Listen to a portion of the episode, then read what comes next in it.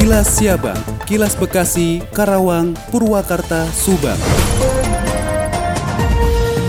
Dari Subang dikabarkan, BPJS Ketenagakerjaan atau BP Jam Sostek Cabang Subang saat ini menyasar kepesertaan dari segmentasi pelajar yang mengikuti magang atau praktek kerja lapangan. Pelajar yang mengikuti program tersebut masuk kriteria untuk mendapat perlindungan sosial ketenagakerjaan karena melakukan pekerjaan di dunia usaha maupun industri. Kepala BP Jam Sostek Cabang Subang Ersa Nababan menyampaikan, sejauh ini pelajar yang mengikuti program magang belum terdaftar sebagai peserta BP Jam Sostek. Sejak tahun lalu secara perlahan telah disosialisasikan betapa pentingnya pelajar magang menjadi peserta BP Jam Sostek. Sesuai peraturan Menteri Tenaga Kerja nomor 5 tahun 2021, pelajar yang magang di perusahaan mulai dari minimal satu bulan dengan didaftarkan sebagai peserta BP Jam Sostek karena dianggap pekerja dan mempunyai resiko minimal yaitu kecelakaan kerja dan meninggal dunia. Lebih lanjut Elsa mengatakan iuran kepesertaan BP Jam Sostek bagi pelajar yang magang sejatinya dibebankan kepada pihak perusahaan perusahaan. Namun jika perusahaan tidak menanggung beban iuran, maka sekolah bertanggung jawab untuk membayarkannya. Lebih lanjut, Ersa mengatakan hak yang diterima oleh pelajar magang ketika terdaftar peserta BP Jam Sostek sama dengan karyawan di perusahaan.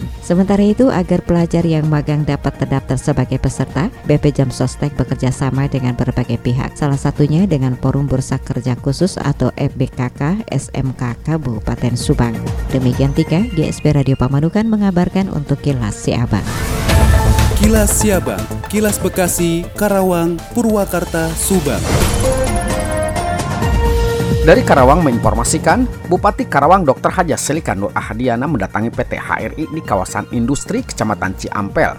Kedatangan Bupati ke perusahaan tersebut untuk meminta keterangan secara langsung terkait peristiwa yang dialami oleh GP yang sebelumnya sempat bekerja di perusahaan itu. Kini tengah viral akibat kecelakaan kerja yang dialaminya.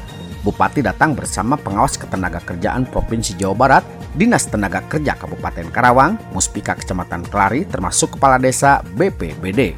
Menurut Bupati Karawang, Dr. Selikan Nur Hadiana, kecelakaan yang terjadi di perusahaan tersebut telah membuat GP menjadi disabilitas permanen setelah kehilangan empat jari kanannya. Setelah bertemu dan berdialog langsung dengan pimpinan perusahaan, pihaknya bersama pimpinan perusahaan beserta jajarannya telah berkomitmen mencari jalan keluar yang adil bagi GP.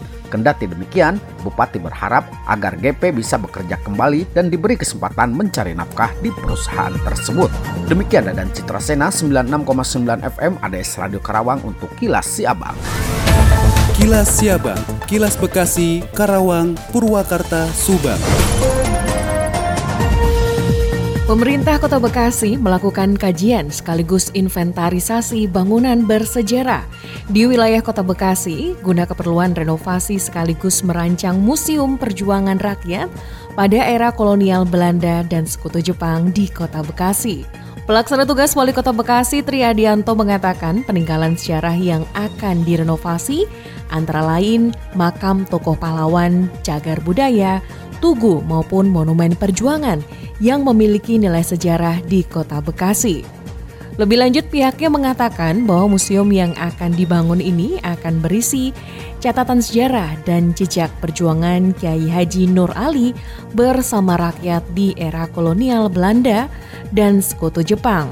Ia menilai Kiai Haji Nur Ali merupakan seorang tokoh pahlawan yang mempunyai sumbangsih besar bagi tanah air khususnya di kota Bekasi.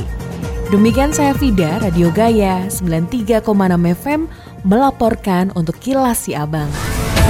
Kilas Siabang, Kilas Bekasi, Karawang, Purwakarta, Subang.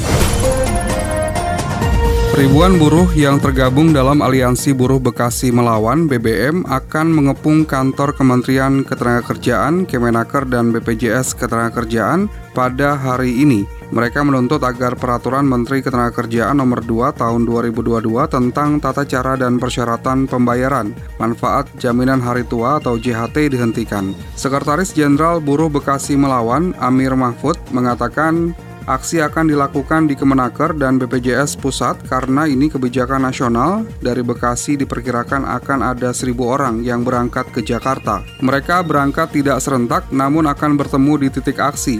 Amir mengatakan aksi buruh sebagai quick respon untuk mewakili para pekerja yang mempunyai jaminan hari tua dengan terbitnya Permenaker nomor 2 tahun 2022 yang membuat JHT tidak bisa dicairkan sebelum berusia 56 tahun. Jika aksi yang dilakukan tidak mendapat respon, Amir mengaku akan ada pemogokan kerja nasional. Menurutnya, banyak kebijakan pemerintah yang tidak berpihak kepada kaum buruh, misalnya upah dikurangi, jam kerja ditambah, pesangon dikurangi, PHK sepihak, dan sebagainya.